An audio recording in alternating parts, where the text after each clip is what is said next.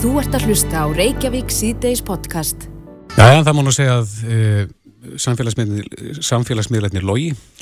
Já, það eru hólur út um allt. Já, og margir að lendi vandræðum.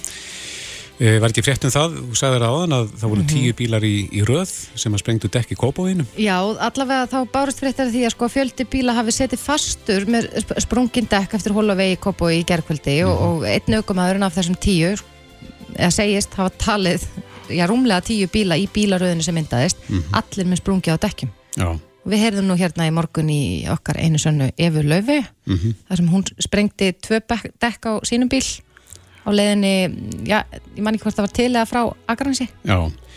Og bæjast það sem voru að á Selfoss í morgun að bæti hólur. Þannig að þetta er ansi víða og tengist vantarlega þessum umleipingum sem hafa verið í verðinu. Á línunni er uh, Malbyggs sérfræðingurinn Sigþór Sigursson, frangværtastjóri hlaðbæjar Kólas. Komdu sæl. Sælveriði. Já, er, er það aðal ástæðan? Það eru þessir umleipingar í veðri? Já, auðvitað er það. Þetta er eiginlega árlegt. Þetta kemur alltaf upp hérna eh, eftir áramótin þegar þessar sko umleipingar með vatni og salti hefjast. Þannig að þetta er ekkert nýtt. Nei, Og spil... ef, ef okkur finnst hérna slemt ástandi núna þá er, erum við fljóta að gleyma og það var eh, örf ár síðan í rauninni ástandi var miklu verra þegar, þegar við haldið hafi verið trassað sem mest eftir hrun árin. Mhm. En er það spila saltið eitthvað rullu þarna líka segir? Salt og vatn, þetta er alveg eh, bara eitur fyrir Malbygg með einhvern galla í sér, ef litla sprungur og gamlar viðgerðir og við fáum ennan að vassflöðum og saltið ofan í og þrýstingin frá dekkjónum og naglana, þetta er spila allt saman. Og þá bara er voðan vís og hérna þessar sprungur opnast og, og, oft verður ekkert við ráði þegar eh, það er svona mikill klammi á gottunum sem er núna búin að vera núna lengi þá komast í rauninni við að gera menn illa að því að vera að, að gera við, þeir komast alltaf að út á vatni og ís og snjó. Akkurat. En, en eh, sko, ég velti því bara fyrir mér þetta hólutnar er alltaf sko, svo ringlóttar. Er þetta bara hennilega út af dekkjunum? Hvers vegna verða, já það er svona ringlaga og djúpar?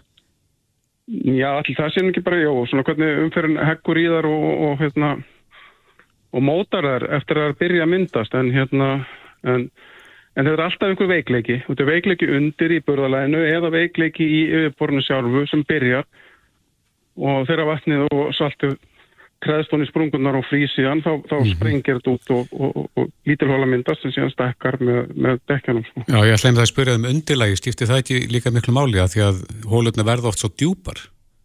Jú, það skiptir bara máli. En, en, en, jú, það skiptir þetta máli, þessi gott undirlag eða þrefallega malbyggi, en þegar þú komið niður úr og í grúsina þá er hún bara laus. Og hún alltaf, það, hún bara tætist upp úr þegar svo er sko. Og hérna, þá er þetta, þetta flenni djúpt og stór hættulegt. En Sigþór, er eitthvað því til fyrirstöðu að eh, já, farið verði í það að lagfæra þessar hólur sem eru núna, eh, já, ég, mér finnst eins og þetta sé meira en áður en kannski er maður bara fljótur að gleyma eins og þú segir, en er eitthvað því til fyrirstöðu að maður að fari, eh, já, bara viðgerða meina svæði og lagi þetta? Nei, nei, það í er ekki fyrirstu sjálfsög, þetta er náttúrulega bara gífulega erfiðar aðstæður. Við allt þetta vatni í hólunum, þetta eru mjög frumstæði svona, við kalla kalt viðgerðarefni sem þetta er að nota á þessum árstíma. Og svona er sem sagt malbjörnsblöndur sem að þóla þó þetta en, en auðvitað ekki þegar að vera sturt þess að bróni í ískalt vatnið og, og hérna reyna eftir besta megna að þjappa kannski innan um umferð og, og það er hérna eins og segist snjór og ís þá er þetta alltaf algjör svona bráðabyrða, þetta er algjör bráðabyrðaretting ég held að sé á full út um allt sko. En er, Eh, er malbyggi lélegt? Það nú, hefur nú stundum verið spurt að því hvort að við sem bara nota lélegra malbyggi hér heldur við annars þar. þetta er oft komið upp og veitir hvernig við erum að svara. Nei, ef eitthvað er þá erum við sennilega að búa til besta malbyggi heim hérna á Íslandi. En við erum líka með alveg rosalega erfiðar aðstæður. Reykjavík er þannig staðsett að við fáum hundrað frost þýðu sveiflur yfir einn vetur dæmikirann vetur og miklu fleiri þegar það er svona harði vetur eins og núna. Og álægið á þessu malbyggi er bara rosalegt.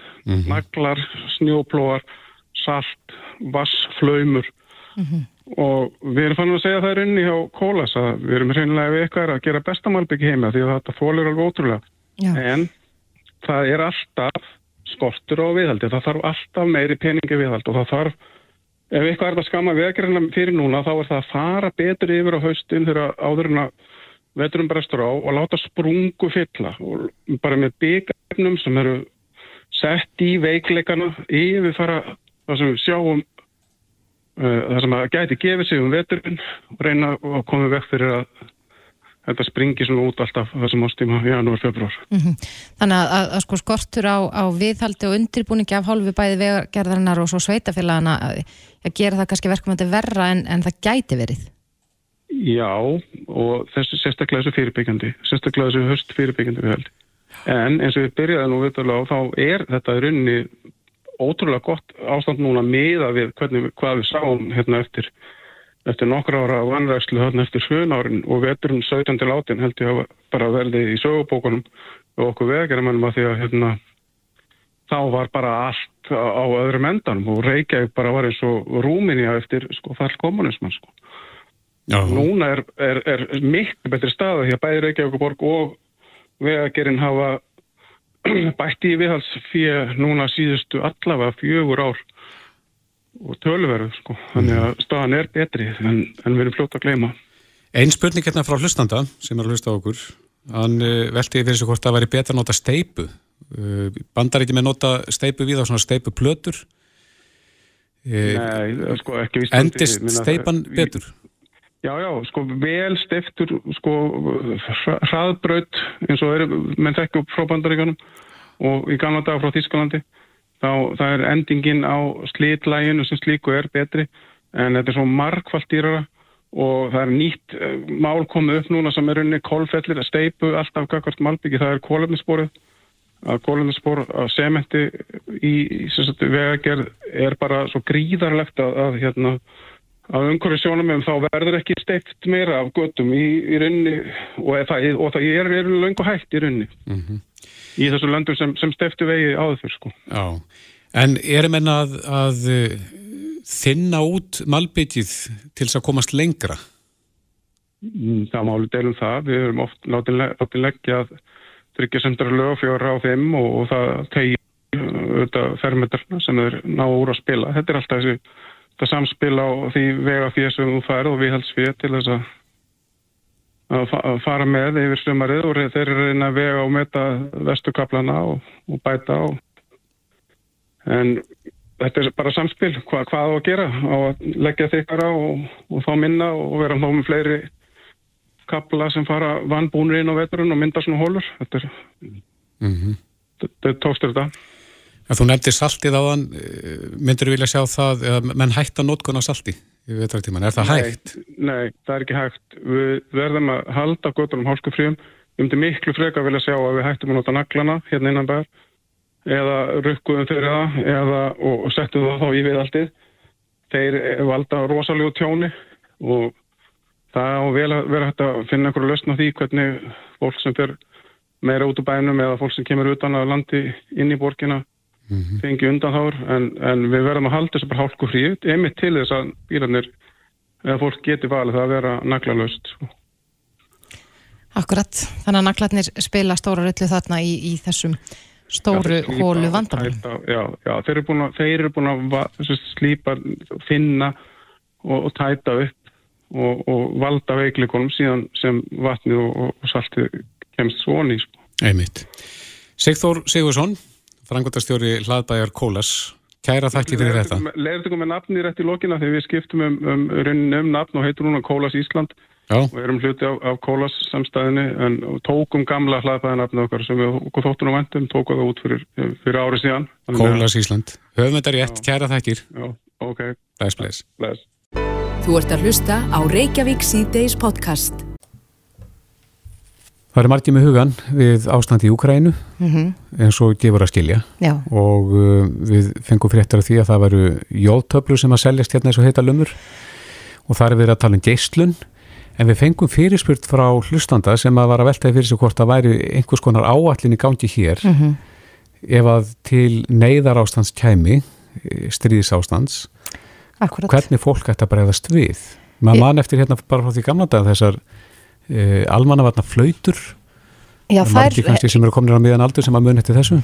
Já, ég telnum mig nú ekki alveg að komna á miðan aldur en ég man eftir þessu. Og uh, maður hefur nú ekki heyrst í þeim lengi svo maður muni eftir í það minnsta. Nei, á mínu svæði hlýðunum, þar var uh, minni með einflöta við uh, slökkustöðuna í skóalið mm -hmm.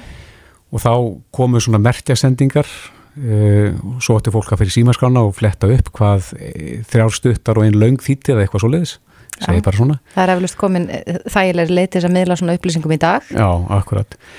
En ef að til stríðis ástand kæmi og uh, ástandið þarna í hérna Úkrænu er, er á suðupunkti mm -hmm. hvernig ábreiðast þið? Víðir Einarsson, yfir lörglu þjóttni á almannavörnum er á línu, kom til sæl. Komið sæl. Já, þess að við séum að reyna að hræða eitthvað slíkt en, en er til ykkur áallun spyr hlustandi.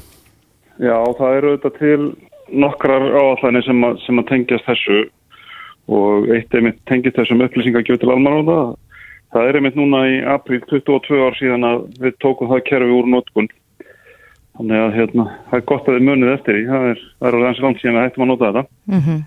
það sem við erum að nota í staðin eru, eru farsímakerfið og sendingar með SMS-um upplýsingum til eins og við nota, nota bara tölvöld mikið undan farin ár síðan eru til áskonar viðbrasáallanir sem, sem að hægt er að nýta í þessu það er það er fyrir bara eftir svona sem hvernig ástandið er og hvað það er sem við erum undirbúið okkur fyrir. Mm -hmm.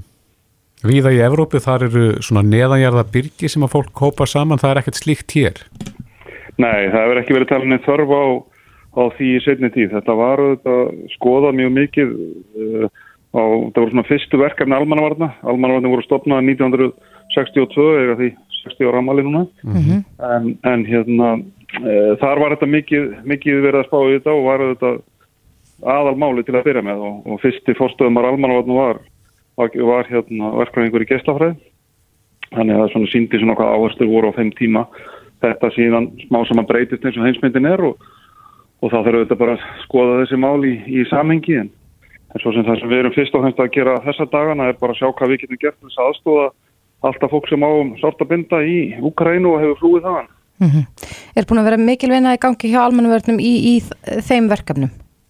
Já, við erum, að, að, hérna, erum í sagt, samstarfi allar almannavarnir í Európu, þannig að stórt og mikið verkefni sem að til þess að grípaðast inn í ímsa neðrakeri sem hafa, hafa geisað undan frá nárið verkefni sem var byrjað 2001 og við erum þar með, með hlutverk og erum að mynda að taka mótið aðstofabeinum, finna hvernig hvað er sem hægt er raun eftir að gera hérðan og miðla því til stjórnvalda og, og sem að reyna þá að finna lausnir og, og koma því á réttan stað.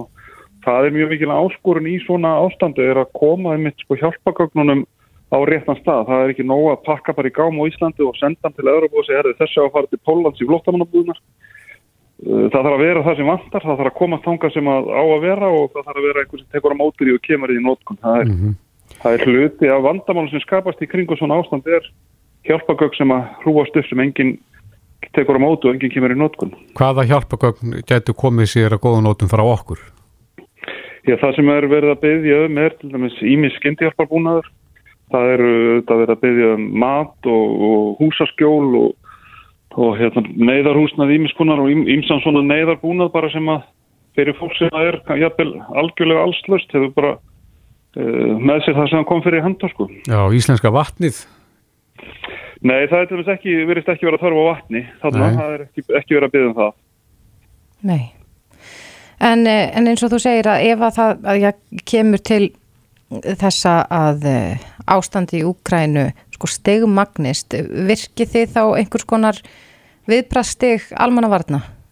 Já, það má alveg gera ráð fyrir því að, að ef, að, ef ástæða verður og mann telli að, að hérna, það þurfi að grípa til meir undirbúrums á Íslandi þá, þá höfum við þessi þrjú almanvarnastíg og, og þá er óvissustígi fyrsta stíg sem færum á og þá erum við mynd bara fara í frekar í greiningar og metta þetta og teljum ástæði til þess að lifta almanvarnakerfinu upp mm -hmm. eins og við svo sem við erum fann að þekka ágjörlega úr COVID-baróttunum þá hefur þetta með stígingan engin áhrif almenningsstýr bara þessum aðlum sem hafa hlutverk og ábyrg bæði vöktun og undirbúa viðbröð. Já, næsta stíg er er síðan hættustíði sem að þá erum við farin að grípa til meiri aðgerða þá erum við að virkja fleiri það er svona sveipað eins og við erum búin að vera á núna í nokkra vikur á, í COVID-inu og, og svona þeirra líðundir lok þar Já, er svo efstastíði neyðastíðið? Já, það var þá ef bara atbyrður væri búin að gera sem hefði uh, myndi hafa áhrif í Íslandi og ógnaði okkar öryggi með einhverjum hætti. Hvernig erum við undirbúin undir svoleiðis?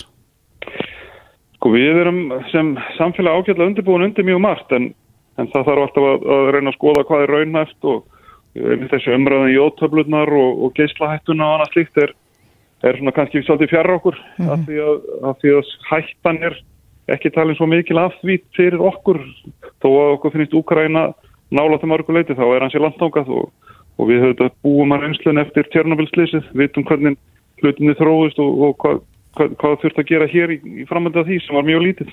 Já, en, en eh, ef það kom upp slík tilvík, svona geysla vá, uh, þá er, þá er það þannig að þið virkið eitthvað svona skipula almannavarna í þeim tilfellum? Já, við erum auðvitað mikilvægt samfunni bara alltaf í í undirbúningi og mati og viðbrasátangjart til dæmis við geyslavarnir ríkisins þarna tengist við sóttadalæknir aftur, hann hefur hlutverk í þessum málum aðinu þannig að, að það er bara kerfi sem er ágjörlega smört og hefur náðu saman í ára tíu. Mm -hmm. Já, en e, mér heyrist nú áður að þú hefur nú litlar áhyggjur af, af því að við förum yfir að slíkst þig.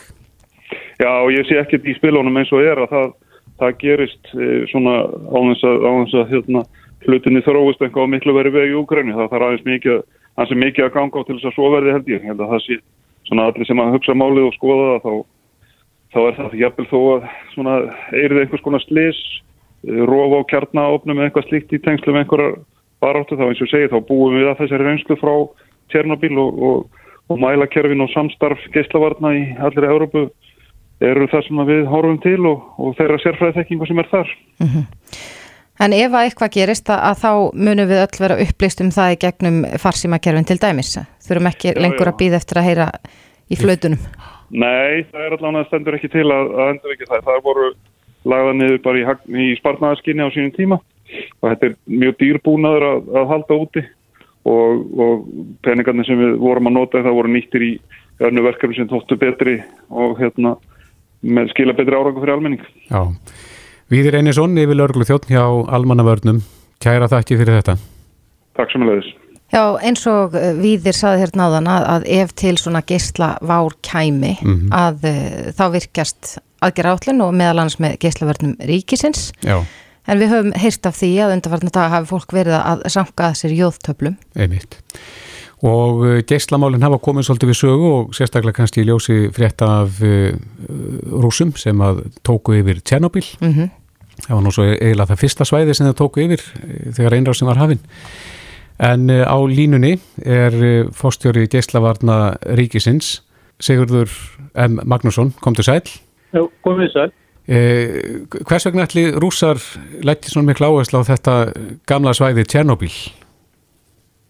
Það er, er nú þannig að fljóðlegasta leiðin frá Kvítarúslandi yfir í Úkrænu fyrir skriðdrökkasveitir rússana mm -hmm. uh, liggur í gefnu okkar svæðið í Tjernobyl. Eftir slísið í Tjernobyl 1986 þá var, var, var, var lokað af stóru svæði, það er svæðið sem er, er 30 km radius og þar er fólk ekki á staðatri.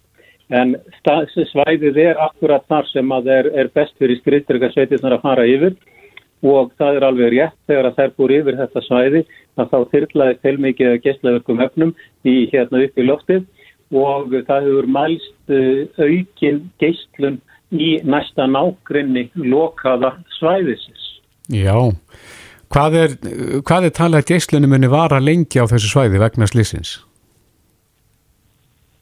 Uh, ertu þá að hugsa um hvað verður gæstleverkni lengi í, í, á, á lokaða svæðinu? Já. Já, það verður um bara ókomna tíð, það verður ára tíu, ár, ár hundruð, mm -hmm. en sko það er þannig að það eru geyslaverkefni í öllu okkar umhverfi og við, mennirnir, við erum líka með geyslaverkefni í líkamannum af, af náttúrunar hálfu. Þannig að við erum alltaf að tala um einhverju aukningu á mhm. því sem að er, er en rétt að, að þessi aukning á geyslaverkni á lokaða svæðinu hún er bara, bara tímabundin og mun hverfa á einhverjum skömmum tíma.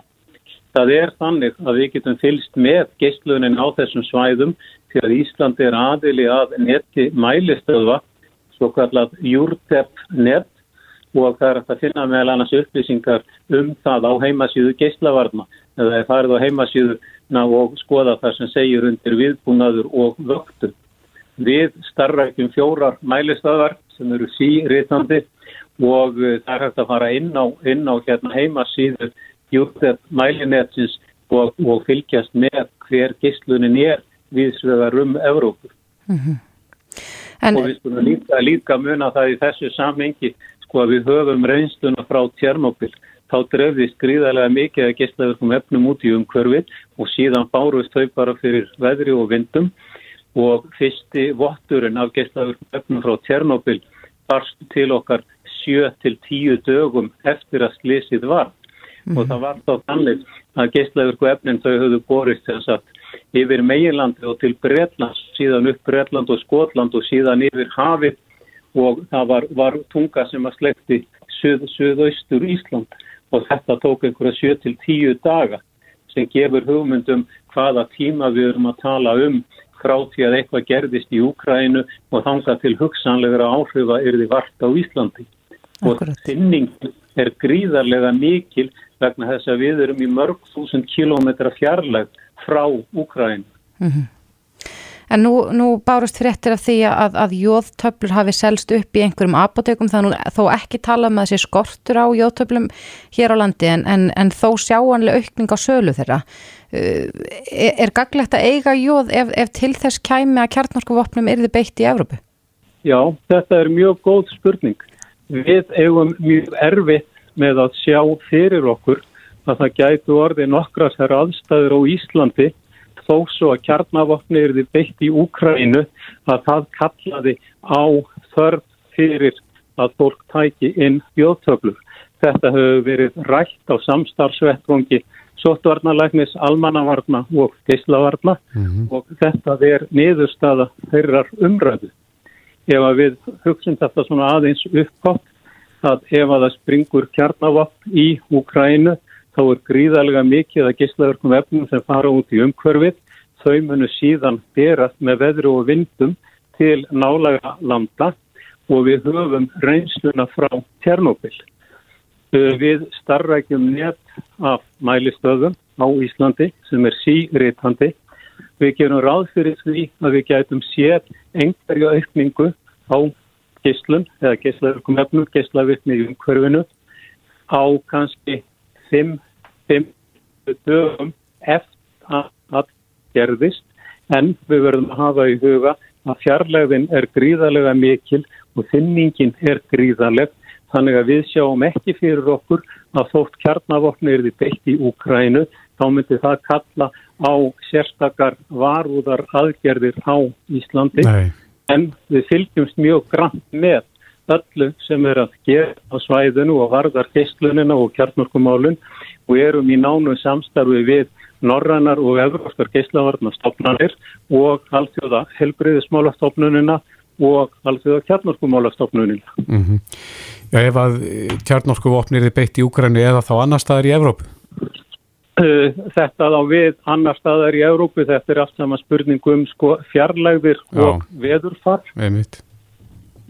Akkurat. Já, þannig að það er engin ástæð til þess að vera að, að hamstra jótöflur hér á Íslandi? Uh, við sjáum ekki ástæðu til þess. Nei. Miða við, miða, miða, miða við þær aðstæður sem nú eru fyrir hendi. Akkurat. Já, Sigurður M. Magnússon, forstjóri Geislavarnar Ríkisins. Kærar þakki fyrir þetta. Já, takk sem leðis. Þetta er Reykjavík C-Days podcast. Ég held að það sé erfitt að gera það í hugalund hvernig það er að greinast með alvarlegan sjúkdóm, líkt og krabba minn. Mm -hmm. Og það er fjölmörg verkefni sem að taka við eh, eftir greininguna. Já. Það er, eh, já bara veikindin sjálf, livja meðferðir og, og svo tekur þetta á andlu hliðina auðvitað líka. Mm En uh, við rákumst á greinin á vísi.is þar sem við verðum að tala um sko áhrif krabbamenns meðferðar á tannheilsu fólks og þetta er kannski eitthvað ákveðin ángi eh, krabbamenns meðferðar sem að, að maður gerir sér ekki grein fyrir, fyrir maður er sjálfur í þessu stöðu. Og uh, þarna skrifur hún Inga Bryndís Árnadóttir sem er fræðslu og hagsmunum fulltrúi krafts og er að benda á það að, að einstaklingur hafi leitað til þeirra og, og þarf að greiða úr eigin vasa 1,5 miljón króna þrátt fyrir að viðkomandi fái fulla niðurgreðslu frá sjúkratryggingum Íslands. Já, þetta er ekki til að bæta ástandið og stöðu sem að þetta fólk er í þegar það þarf að vera með hugan við eitthvað allt annað heldur en að hafa fjárhagsáhyggjur. Já, Inga Bryndís Árndóttir er komin til okkar, kom til sæl. Sæl.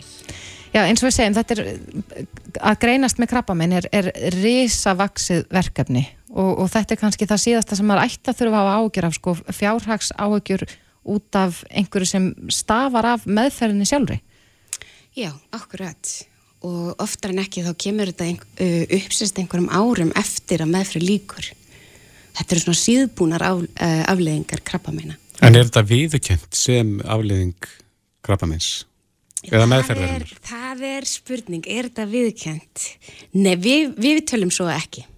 Við töljum að þetta sé ekki viðkjönt og þetta er náttúrulega krabbaminsleiknar viðtalva að þessu og þess vegna vil ég líka hvetja krabbaminsleikna ymmit til þess að til þess að, hérna, að hvetja sína skjóldstæðinga og, og krabbaminsgreinda til þess að fara í svona, já, láta taka svona tennurnar aðeins út áður en að krabbamins meðferð hefst mm -hmm. vegna þess að setna meir að þá getur krabbamins meðferðin hvort sem að um er að lifja meðferð eða geysla meðferð sérstaklega ef að geysla meðferðin er á háls- og höfusvæði að þá getur þetta haft stórkoslar afleggingar á bara tannskemdir hjá fólki Já þannig að fólk áttar sér ekkert endilega á því strax Nei. að þetta tengist meðferðin sem áttir sér stað já, einhverjum árum áður. Emmi, það er málið og svo náttúrulega eru sjúkratryggingar þannig að, að þegar uh, það er náttúrulega mikið gleði efni að þeir hérna, eins og í, í, í þessu hjá, tilfelli hjá okkar félagsmanni að þá niðugreðar 100% en uh, þessi einstaklingur var með þessa sönnunabyrði þar að segja uh, hann hafði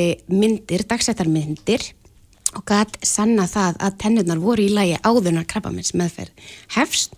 Og þar að leiðandi að, að þetta um, að þessar tannskemdir og þessi tannkostnaður sem sagt vegna þessa skemta er bara bein aflegging e, livja meðferðar.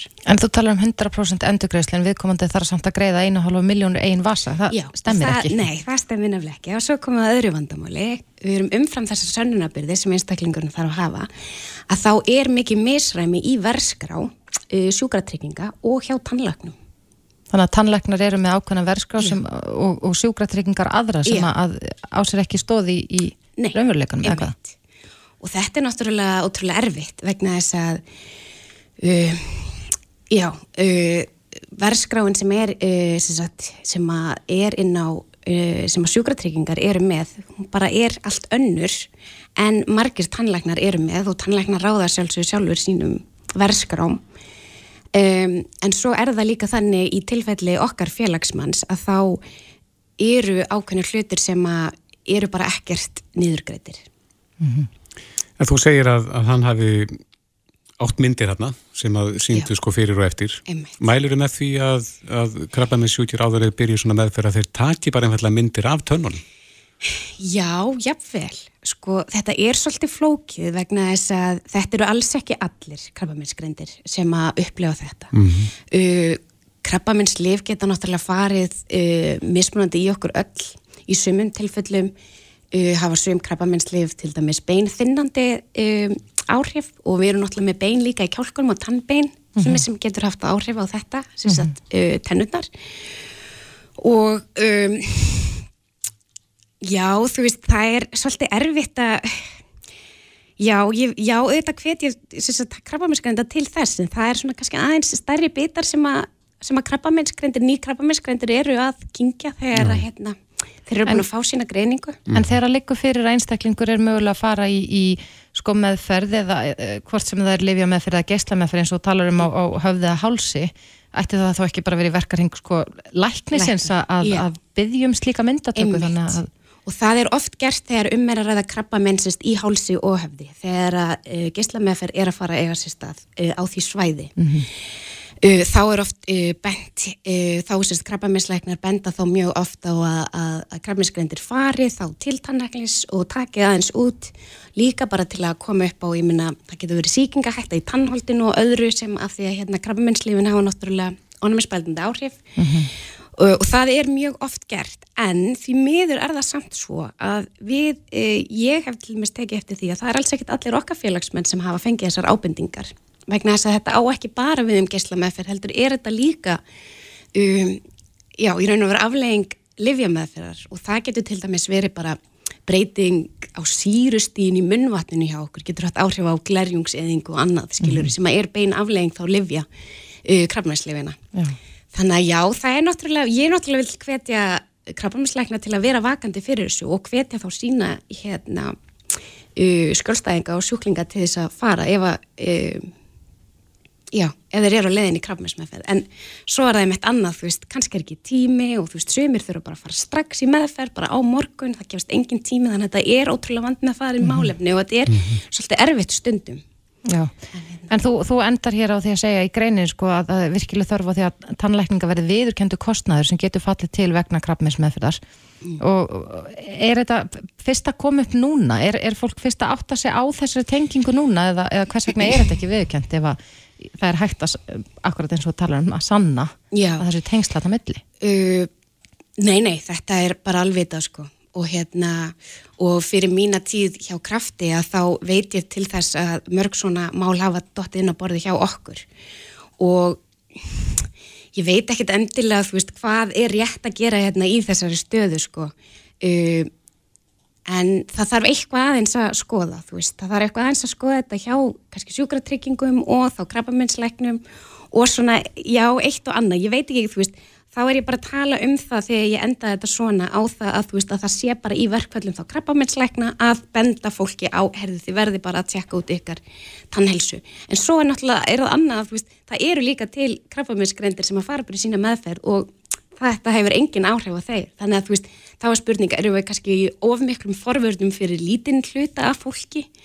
En þetta gætur náttúrulega eins og veist, og svo náttúrulega kosta líka alveg að fara að láta taka tennunar út og ég meina oft er þetta að okkar skjólstæðing eða félagsmenn eru náttúrulega ungt fólk. Og stundum er bara 20 skall, eh, 25 úr skall í hérna í að taka tennunar út bara aðeins svo mikið. Með hérna, en já, þetta er svona já, þetta er ekki, ég er ekki alveg með lausnin á þessu núna, sko, en við viljum endilega bara vekja aðtegla á einmitt þessu og Og vekja til umhugsunar. já, og vekja til Já, umvöksuna einmitt. Inga Bryndís Arnóttóttir, fræðslu og hagsmunafulltrúi hjá Krafti. Kæra þætti fyrir þetta og það má lesa greinina inni á vísi.is. yes. Takk fyrir komuna. Takk fyrir að fá mig Þetta er Reykjavík C-Days podcast.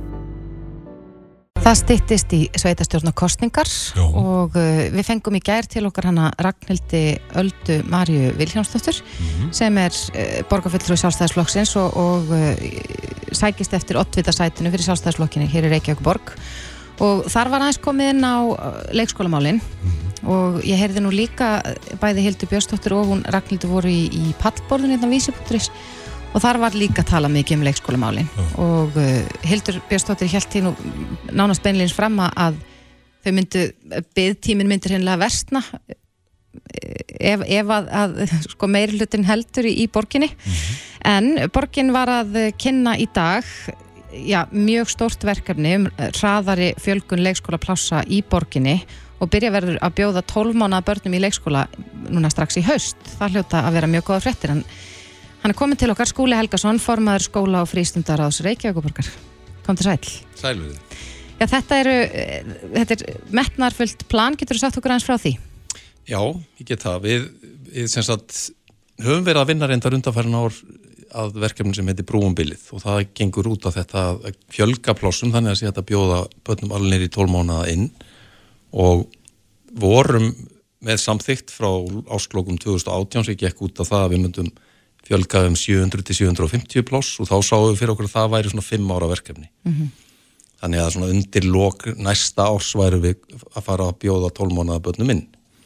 En í dag vorum við að kynna sem sagt nýtt, ja, endur skoðaða aðgerða átum, sem við erum í raun og veru búin að stækka þetta verkefni eh, þannig að það eru tvöfalt fleiri ploss sem að munu bætast við. Þau verða tæpilega 1700, 1680 og mjög stór hluti af því, eða alveg rúmur helmingur, er að koma inn strax á þessu ári. Þannig að Já. við erum að ljúka núna á þessu ári mjög mörgum verkefni sem hafa verið undirbúningi í hönnun uh, og byggingu uh, undanfærin misseri.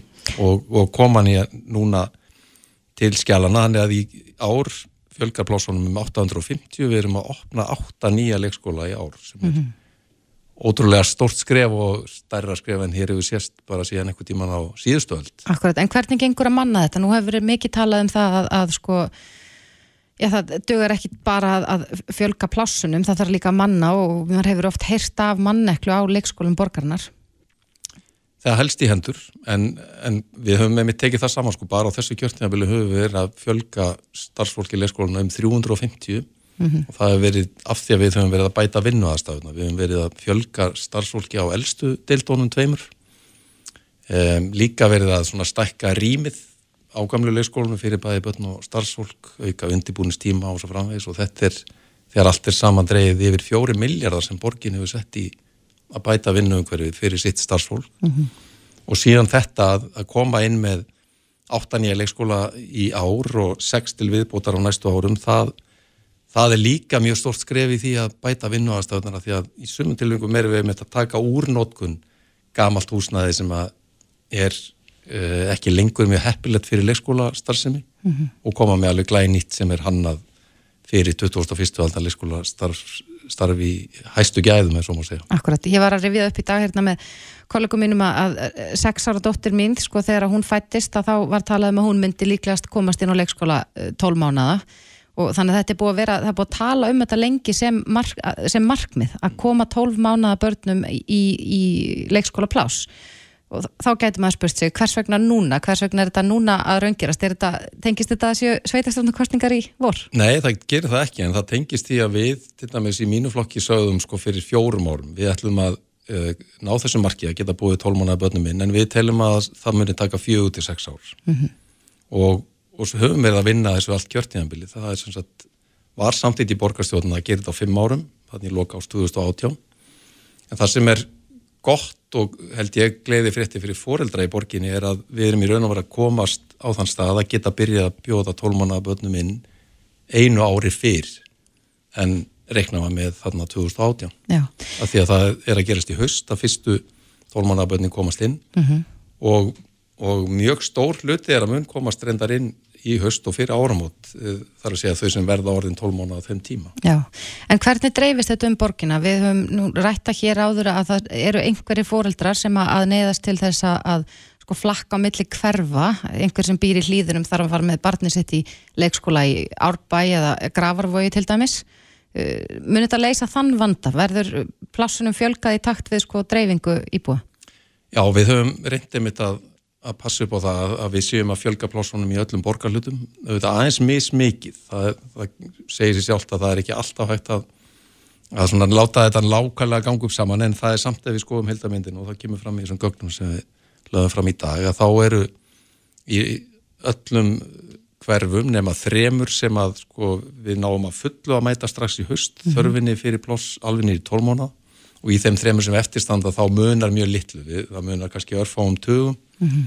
og við munum bregðast í því með því þó að bæta við uh, til dæmis færanlegum húsum. Hvert hús getur verið að, að taka í kringum 30 eh, börn til viðbótar. Mm -hmm. og það mun þá strax mæta þörfin í tveimur á þessum þremur hverjum sem ég nefndi og í því þriðja er að koma stór viðbygging sem mun brúa þá bylið strax á næsta ári. Já, en já ég myndi segja að þetta er að fjölga vel, þetta er gott jafnvægi við borgina og mest fjölgun verður hérna miðsvæðis, svolítið mm. hér þar sem við erum í lögadalum, lögadal og háaliti þar hafa hérna byggðlistanir eða umsvonarlistanir verið lengstir Já, ég ætla að, að spyrja því, hvað er staðan verst? Er já, það hérna já, miðsvæðis? Já, það hefur verið hérna miðsvæðis, það sem hefur vanta mest af plossum mm -hmm. og hér er þá að koma langmest af, af nýjum leikskólum við erum að opna nýjan við Kleppsveg í höst, annan hérna í Savamýrinni það hefur verið að stækka laugasól í lögadalum svo ég nefnir svona þrjú stæstu verkefni hér, svo er mun opna ungbarnarleikskólinir í Bríðatóni mm. og annar við Kirkjusand. En hvað veldur því að, að, að bygglistarnir eru langir í ákveðnum hverfum? Tengist þetta þéttingu byggðar að það, það er kannski búið að bæta fleiri íbúar á svæðinu og, og jafnvel þá ungt fólk sem er að versla sér fastegnir á, á þeim stöðum? Já, það er bara nákvæmlega eins og þú ert að lýsa og, og svo er bara gríðarlega mikil hérna, reyfanleiki hjá mm. fólks, fólki inn í borginu og mjög stór hluti af, af umsóknunum inn í leikskóluna eru fluktningsumsóknir þar sem að fólk er komið inn með batnið á einum stað svo breytast aðstæður fjölskyttan flytur og þá eðlega vilja menn taka með sér batnið yfir í nýtt hverfi en, mm -hmm. en það sem er sko gott að um, sjá er að við tókum með mitt saman tölur um það síðastlið höst, sko hvernig hversu vel gengur okkur að, að mæta þörfum fjölskyldna fyrir leikskólabrás í nærumhverfinu, í Já. hverfinu þínu og það kom í ljósa að það var alveg yfir 90% batna sem er í leikskóla í sínu hverfi. Já, en, en þeir eru líka núna að taka með af sko mannfjöldarspáum, er ekki, er ekki gert ráð fyrir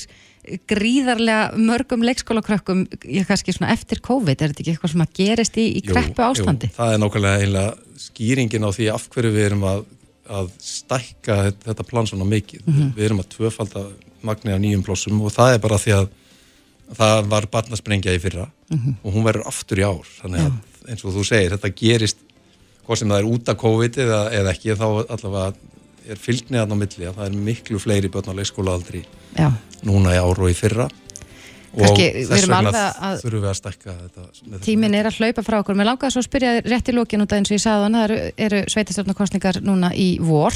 Verða þetta, verður þetta eitt af stórum málum, leikskólamálun í borginni?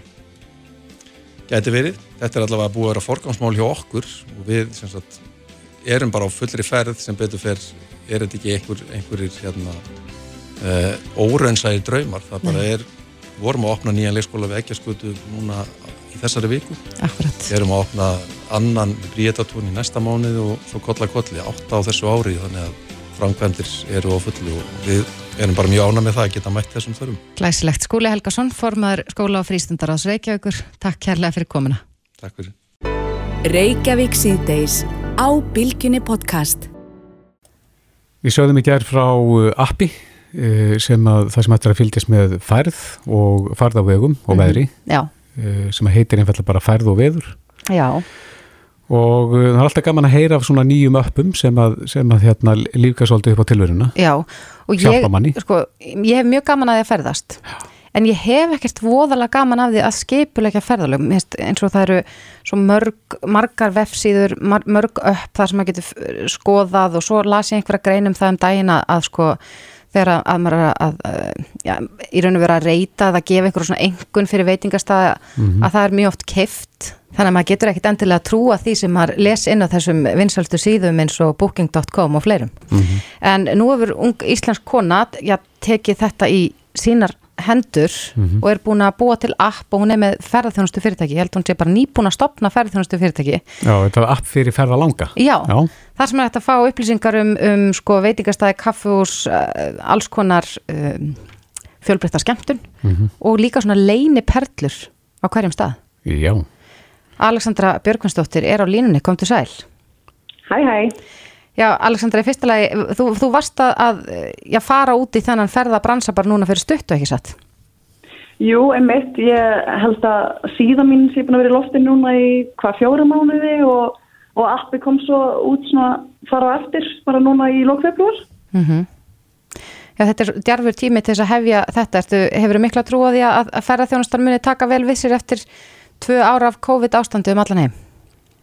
Já, ég held að það sé nú alveg nokkuð ljóst sko að, að fólk er strax fara, fara aftur út á fullu og ég held að það sé bara fara að aukast í hann í frá sko. já, margir orðni ferða þýstir Já, það held ég, sérstaklega frá Íslandi eftir svona mikla lókun og takkmarkanir. Já, segðu okkur aðeins af þessu appi sem við nefndum við náðan, fyrir hvern er það? Sko appir er raun og veru svona viðbót við heimasíðuna en heimasíðan býður í raun og veru upp á mjög ódýra lausnir fyrir bara í raun og veru allt nema gistingar. Mm og svo er appið svona, já það er frí viðbót sem að þú getur séð bara alls konar svona fallega og einstakar staði til að gista á um allan heim. Mm og þar inni eru bara svona pinnar á, á heimsmappi. Og þar getur í raun og veru sett hjarta á staðina sem að þið langar að fara til og búi til svona bucket lista. Og þar inni eru, já, ég veit ekki, þetta er kannski ekki fyrir alla en fyrir þá sem að hafa svona áhuga á að gista á svona einstökum sérstökum stöðum -hmm. en, en auðvitað er nóg þarna úti nú þegar af eins og við segir booking.com og svoleiðis fyrir þessu almennu gistingar en mér persónulega fannst alltaf mjög erfitt að leita upp í svona þessar svona öðruvísi sem að já, er svona ákveðin upplifin Já, Þórtís nefndi hérna á svona leindar perlur, Eh, hvaða perlur eru við að tala um þar? Er þetta náttúru perlur eða?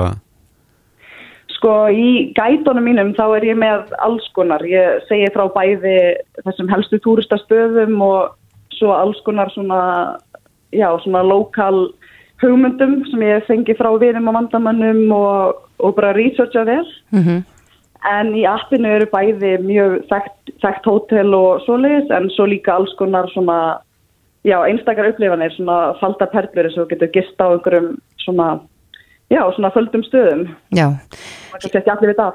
akkurat. En hér á Íslandi þá erum við, eh, já, við erum löngurum vön því að hér er mikið af ferðamönnum en það eru þó einhverjir einstakar staðir sem að fáir vita af og, og ertu hættum að, að já, er- hefur ágjörð að fólk takið því illa að sé vera að ljóstra upp um leynistæði til dæmis hér á landi þegar við viljum kannski bara hafa það út af fyrir okkur? Sko, ég myndi ekki segja það því að eins og ef að ég segi frá einhverjum náttúrulegum eða eitthvað svoleiðis að þá er það alltaf í svona keiftri þjónustu sem að fólk hefur alltaf geta fengið aðgang að gegnum árin og þegar. Og í þeim, þeirri þjónustu þá í raun og veru segi ég þeim alltaf frá því að hvernig þarf að ganga um svæðið og svoleiðis sem ég held að sé mun betra heldur en að, þeir séu að leita þessu einhverstur á netinu og, og skilja svo bara eftir sjálf rusl og vita einhvern veginn ekkert hvernig að komast að stöðunum og svoleiðis. Mm En, en appið er með, með stöðum út um allan heimið, ekki? Jú, einmitt. Ég lonsvæði þess að datunum með 100 stöðum, svona til þess að byrja einhver staðar og svo kemur nýr staður inn í, í hverju viku. Þannig að hugmyndin er svo að eftir einhverja mánuði þá verða í raun og veru eitthvað í búið hvar sem er í heiminum. Já, hvað heitir appið fyrir þá sem að vilja finna? Appi heitir EOP by ABB en EOP stendur fyrir Extraordinary Places. En, en þetta lítur að hafa verið heilmikil rannsókn að vinna fyrir þig að, eins og þú segir byrjaði með 100 og ert sífælt að bæta við. Handveluru hvaða staðir fara inn í appið? Já, algjörlega. Ég er búin að vera að sapna að mér stöðum bara yfir, yfir árin sko og þetta hefur verið heilmikil vinna í raun og veru að koma þessu öllu saman aðna inn á sem einfaldast á hátt fyrir, fyrir nótundur. En maður þarf auðvitað að fá leifi fyrir öllu myndum og, og pinna þetta á mappið og svo leiðis. En eh, ég veit það ekki, þetta er, mér finnst það svolítið skemmtilegt, bara meira svo fyrir mig sjálfa sko að hafa þetta allt svona á einum stað og já, hafa þægilegt aðgengi að. Já. Er einhver ákveðin markkópur sem þú ert að stíla inn á? Er þetta meira fyrir ungt fólk eða eldra fólk eða bara allt þar á milli? Ég myndi segja að þetta væri fyrir alla en þetta er auðvitað svona ný hugmynd eins og með, eins og með gætana mína til dæmis að, að eldra fólk kannski er ekki alveg svona búið að tengja við hugmyndana eins og yngra fólkið. Það er vant að fá bara hugmyndir af nákvæmlega því sem að þá að fara að gera og, og meira svona skipulag. En þetta er meira svona inspiration svona að segja þér hvað þú getur gert og hverju mátt ekki missa af. Og svo finnir þau svolítið svona út úr restinni sjálfur. Já, þannig að þú getur bara keft í raun og veru, já, gott sem pakkaferð bara með, með skref fyrir skref hvað þú ættir að sjá og gera inn á síðunni. Já, einmitt, þú getur keift til dæmis 50 hugmyndir eða eitthvað svoleiðis og þá þrói ég þær bara svona með þínu budgeti og, og interest og svoleiðis og já, og finn svo bara það sem að henda hverjum að einum og, og reyna að gera ferðina þeirra sem besta. Já, þetta er sniðugt og heimasíðan heitir, Heimasíðan heitir travelbyabb.com já, akkurat. Við segjum bara gangið er vel með þetta, Alessandra Björgvinsdóttir, ferðaskipulegjandi, Takk alveg kæra fyrir. þakki fyrir. Sumulegðir. Bless. Reykjavík síðdeis á Bilginni podcast. Ég held að sé margir í tárum þessa dagana. Já, ég er bara viss um það. Já, nú er búið að tilkynna það að síðasti þátturinn af nágrunum eða neighbors ástörelsku Mm e, verða þeir ekki teknar upp í núna í haust, nei í, í vor. Jú, í júni.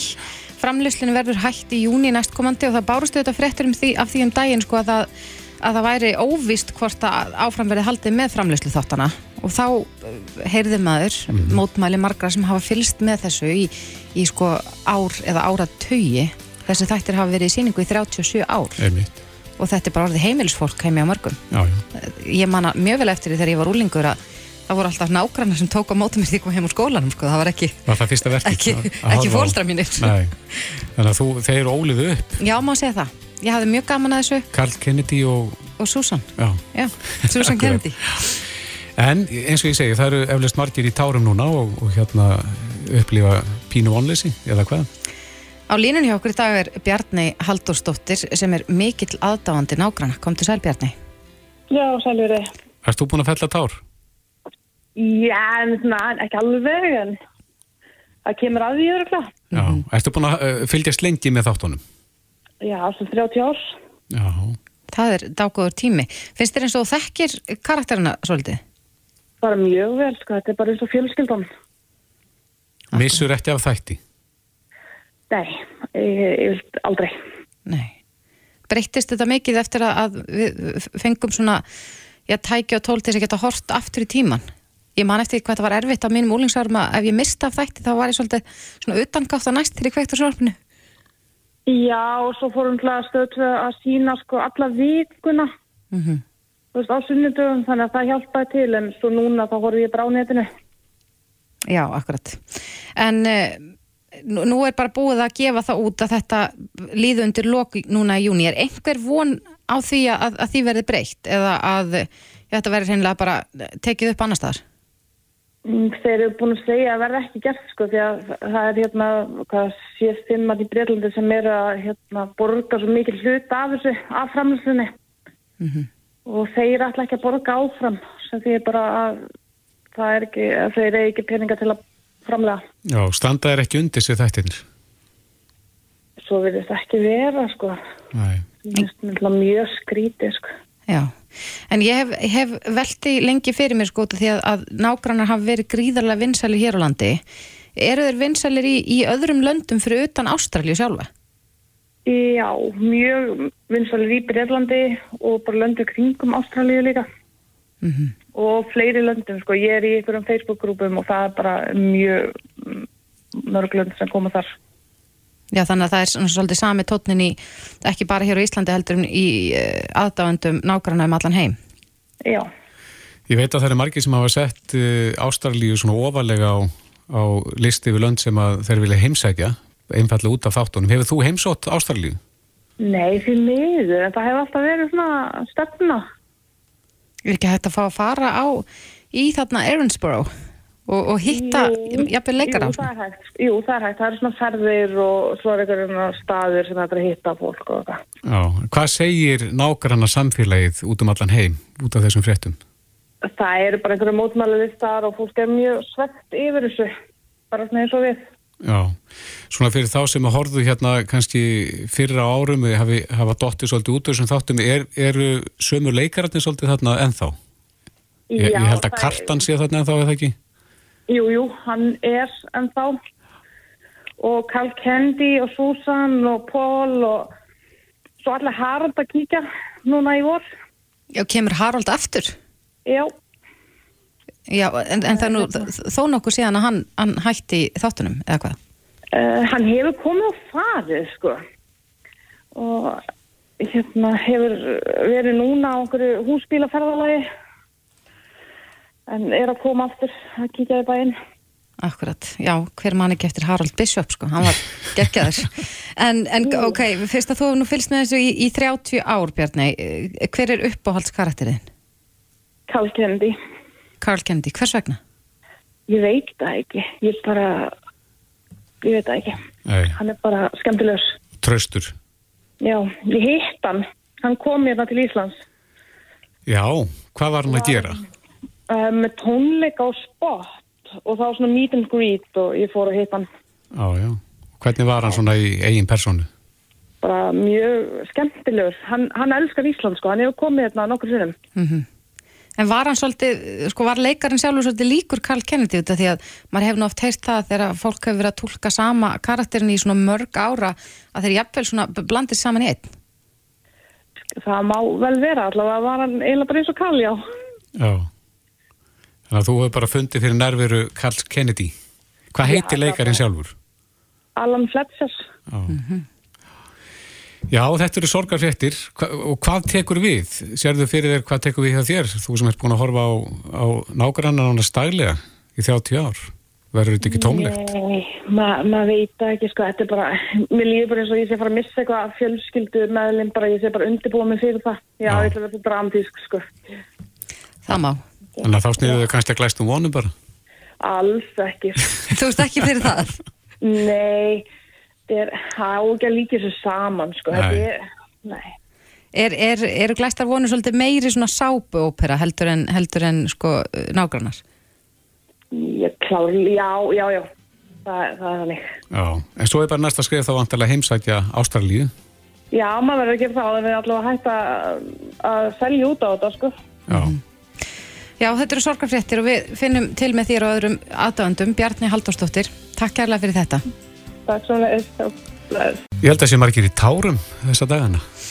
Já, ég er bara viss um það. Já, nú er búið tilkynna það að síðasti þátturinn af nágrunum eða neighbors, ástörelsku, Mm e, verða þeir ekki teknir upp í núna í haust, nei í, í vor. Jú, í júni. Framleyslinu verður hætt í júni næstkomandi og það bárustu þetta fréttur um því, af því um daginn sko að það, að það væri óvist hvort að áfram verið haldið með framleyslu þáttana og þá uh, heyrði maður mótmæli margra sem hafa fylst með þessu í, í sko ár eða áratögi þessi þættir hafa verið í síningu í 37 ár. Einmitt. og þetta er bara orðið heimilisfólk heimi á mörgum. Já, já. ég manna mjög vel eftir því þegar ég var úlingur að það voru alltaf nágrannar sem tók á mótum mér því kom heim úr skólanum sko, það var ekki, ekki, að- að ekki fóldra mínir. Þannig að þú, þeir óliðu upp, Já, má segja það. Ég hafði mjög gaman að þessu Karl Kennedy og, og Susan. já, Já, Susan. Kennedy.